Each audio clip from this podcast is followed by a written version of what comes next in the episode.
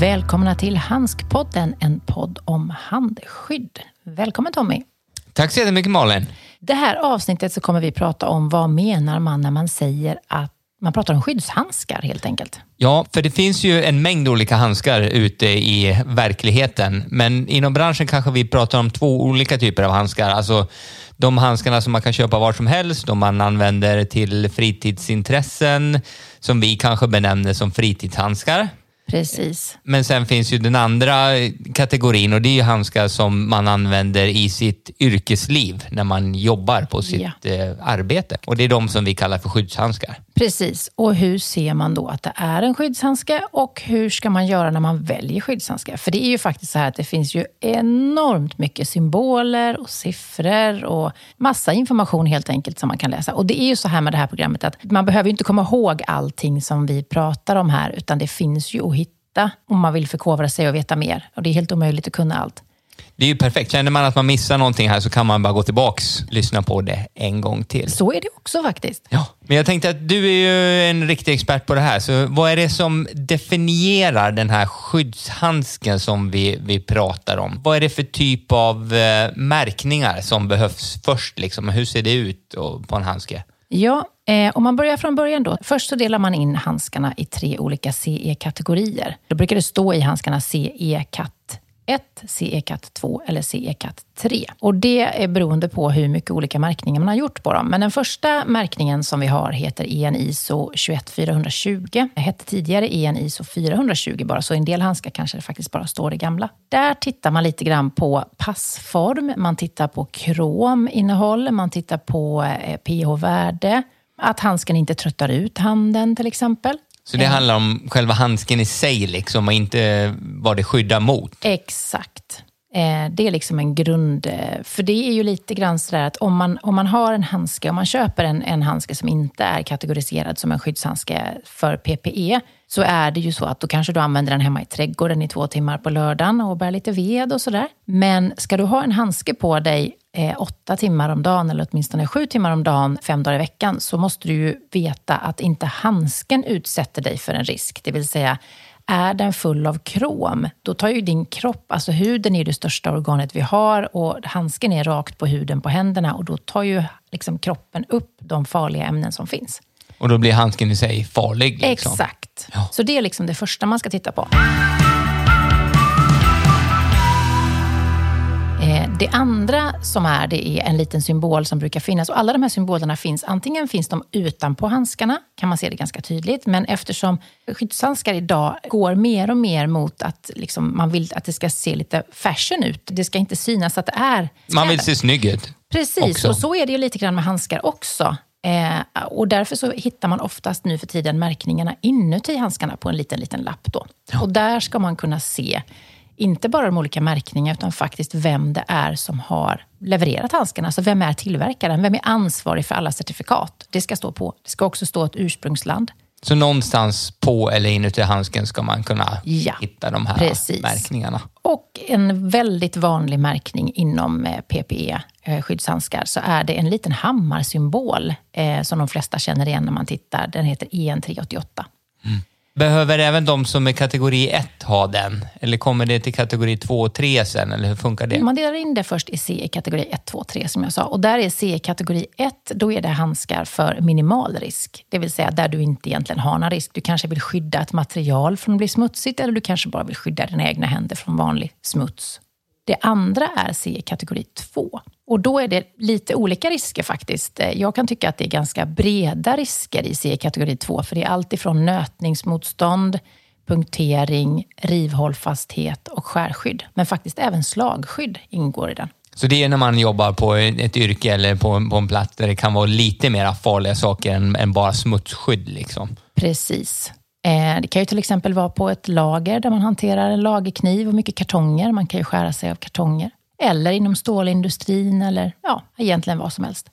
Den tredje kategorin är CE kategori 3. Eh, och då pratar vi om eh, höga risker som till exempel kemikalieskydd. Och det känns ju som, jobbar man i en mer miljö som, där man känner av sig att det här är ändå grejer som är farliga, som du säger, kanske kemikalier eller farliga tunga saker som kanske kan landa på henne. Då vet man om det också kan man tycka och då borde man liksom veta att man ska ha en kategori 3 kanske. Precis, så är det i många fall. Men vår erfarenhet är att väldigt många företag faktiskt ändå inte riktigt har koll på hur länge man får ha handskarna på sig och sådär. Och det kommer vi prata mer om i kommande avsnitt. Ett helt avsnitt om till exempel kemikalieskydd.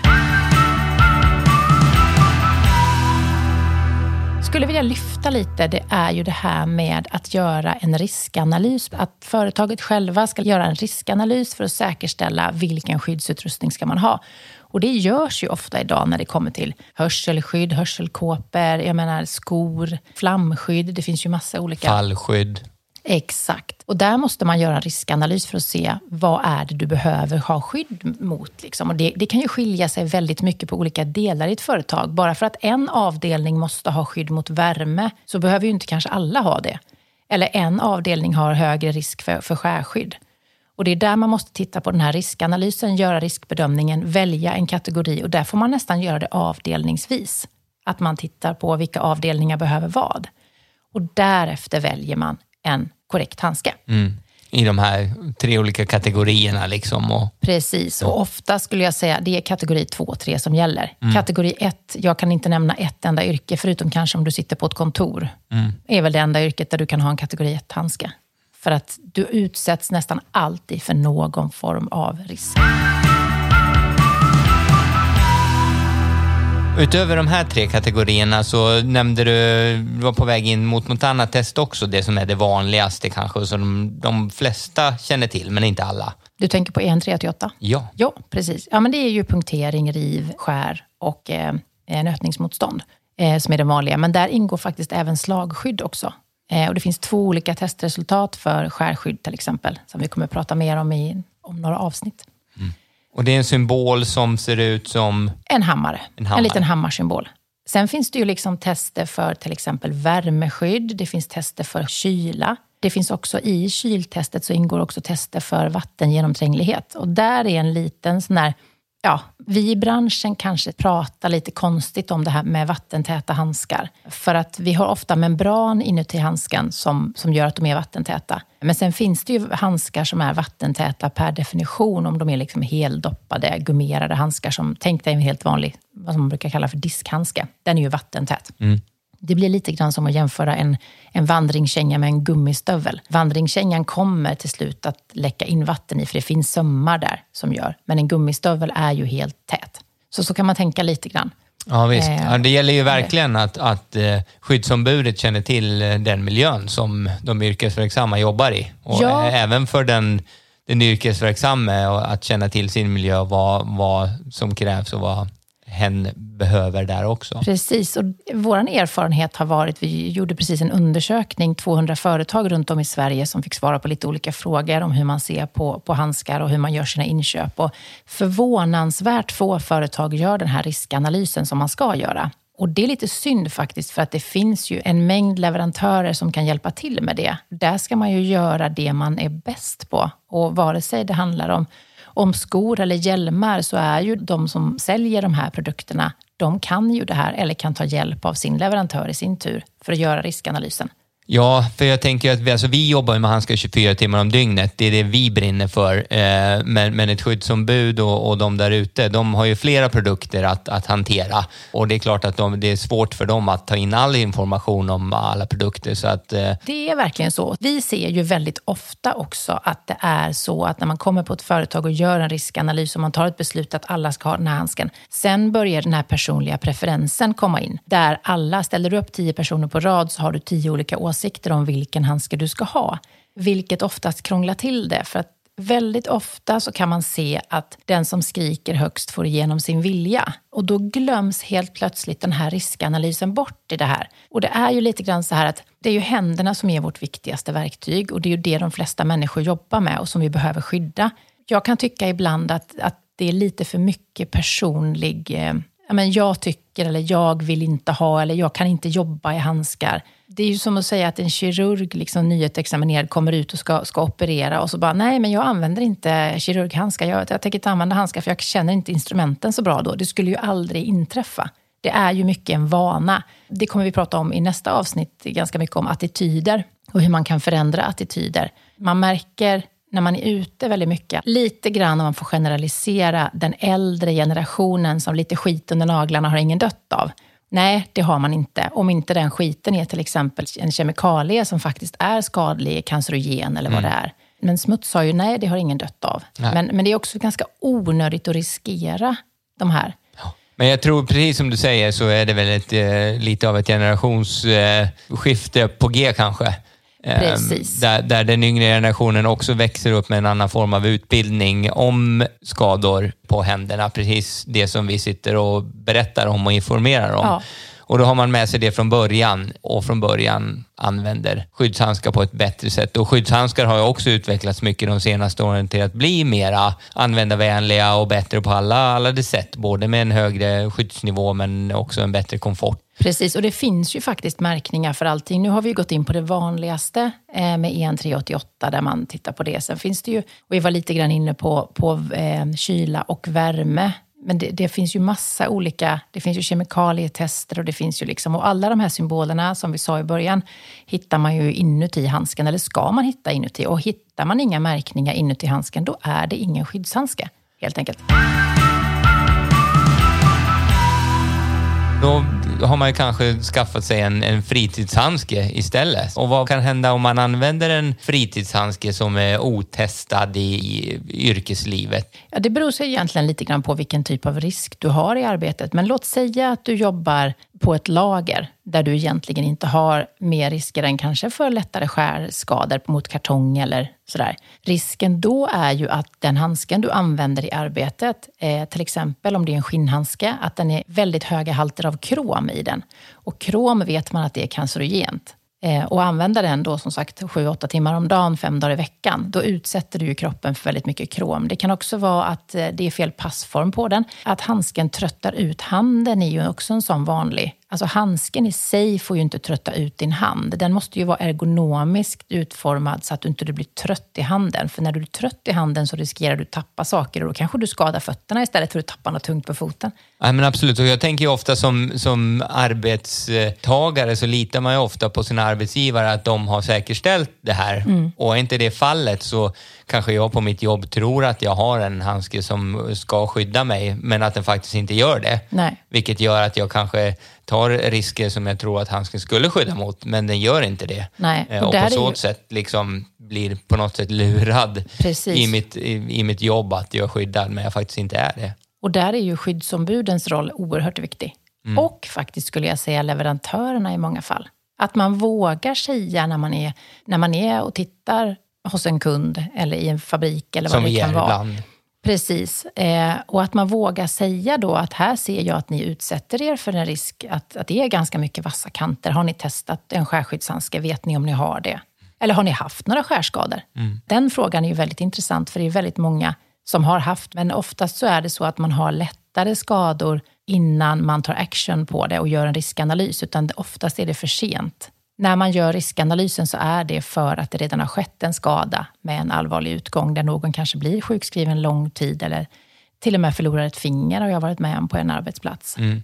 Ja, och det känns ju som att det är väldigt viktigt att man har en väldigt tajt diskussion, både mellan skyddsombudet, eh, de anställda som använder handskarna och oss som är handskleverantörer mm. som faktiskt är experter på det här för att säkerställa att de har rätt handskar ja. och, och de handskar som fungerar för dem på arbetsplatsen också.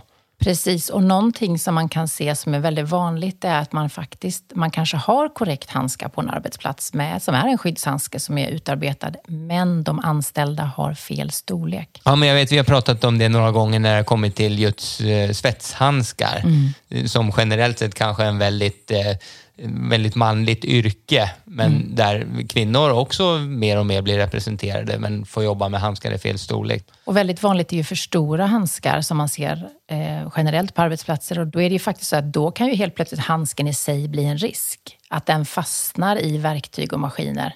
Som jag var med om i somras till exempel när jag skulle bygga lite. Då fastnade jag med min montagehandske i skruvdragaren. Det berodde nog både kanske på eh, att jag inte är så duktig på att ha en skruvdragare i handen. Men eh, Det var några kaosartade sekunder och det är nog många som känner igen det. Ja, men så kan det säkert vara. Där, där liksom kommer vi till frågan, är det okej okay att använda en, en skyddshandske per definition på fritiden? Och, och det är det ju. Det är, ju, det är de bästa handskarna som finns där skyddet är säkerställt. Så att, eh, och, och, vad man använder på fritiden är väldigt... Jag är ju mitt egna skyddsombud på fritiden, måste jag ju säga. Ja, men det är du ju faktiskt.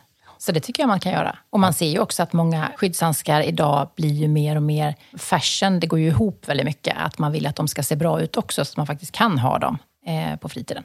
Absolut. Så det är kul. Tycker jag. Och, och jag, finns... jag, tror att en, en stor del, vill man säkerställa det här, både som liksom skyddsombud eller om man själv använder handskar i sitt yrke, så att, att ta sig till en riktig yrkesbutik eh, är ju bland de viktigaste valen man Precis. kan göra, där det finns kompetent personal, eh, leverantörerna inblandade också. Då har man börjat på rätt ställe mm. istället för att eh, försöka hitta arbetsskyddshandskar på, på andra billiga butiker. Kanske. Ja, men precis. Att man börjar där och att man tar hjälp och gör en riskanalys och ser över om man behöver skydd mot. Därefter så väljer man ju skyddskraven och sen väljer du en skyddshandske. Ja. Och det kan ju vara lite individuellt också det här med vilken skyddshandske du har. Hur du, hur du tycker att den ska sitta. Absolut, eh, absolut. Men bara så att man har rätt krav. Ja, verkligen. Ja, men... Eh, det var jag, allt för idag. Ja, jag tror att vi har ja. definierat lite grann skillnaden mellan vad som är just en eh, vanlig fritidshandske och en, en skyddshandske. Precis. Och glöm inte bort att prenumerera på podden. Det kommer ju fler avsnitt. Inte. Och det kommer ett nytt avsnitt väldigt snart faktiskt. Som handlar om handskador i verkligheten och faktiskt även siffror. Spännande, för vi kan ju sitta här och tycka vad vi vill, men, men vi måste förhålla oss till verkligheten och, och hur det verkligen ser ut där ute med, med lite fakta och siffror. Ja, jättespännande. Tack för idag Tommy. Tack så mycket. Ha det bra. Hej. Hej.